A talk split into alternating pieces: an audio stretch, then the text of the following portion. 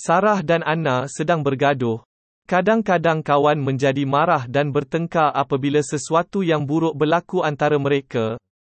Tuhan tidak mahu kita menjerit dan bergaduh. Dia tahu itu akan membuatkan kita berasa lebih teruk. Tuhan mahu kita bercakap tentang apa yang berlaku sebaliknya.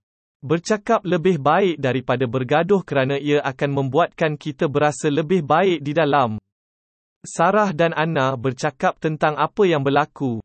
Kemudian mereka berhenti bergaduh, dan kini mereka berkawan semula. Ayat Alkitab kerana kamu milik Tuhan, selesaikan perselisihan kamu. Filipi pasal 4 ayat 2. Mari ikut saya berdoa. Tolonglah saya, Tuhan, untuk melakukan apa yang benar, untuk membicarakan sesuatu daripada bertengkar.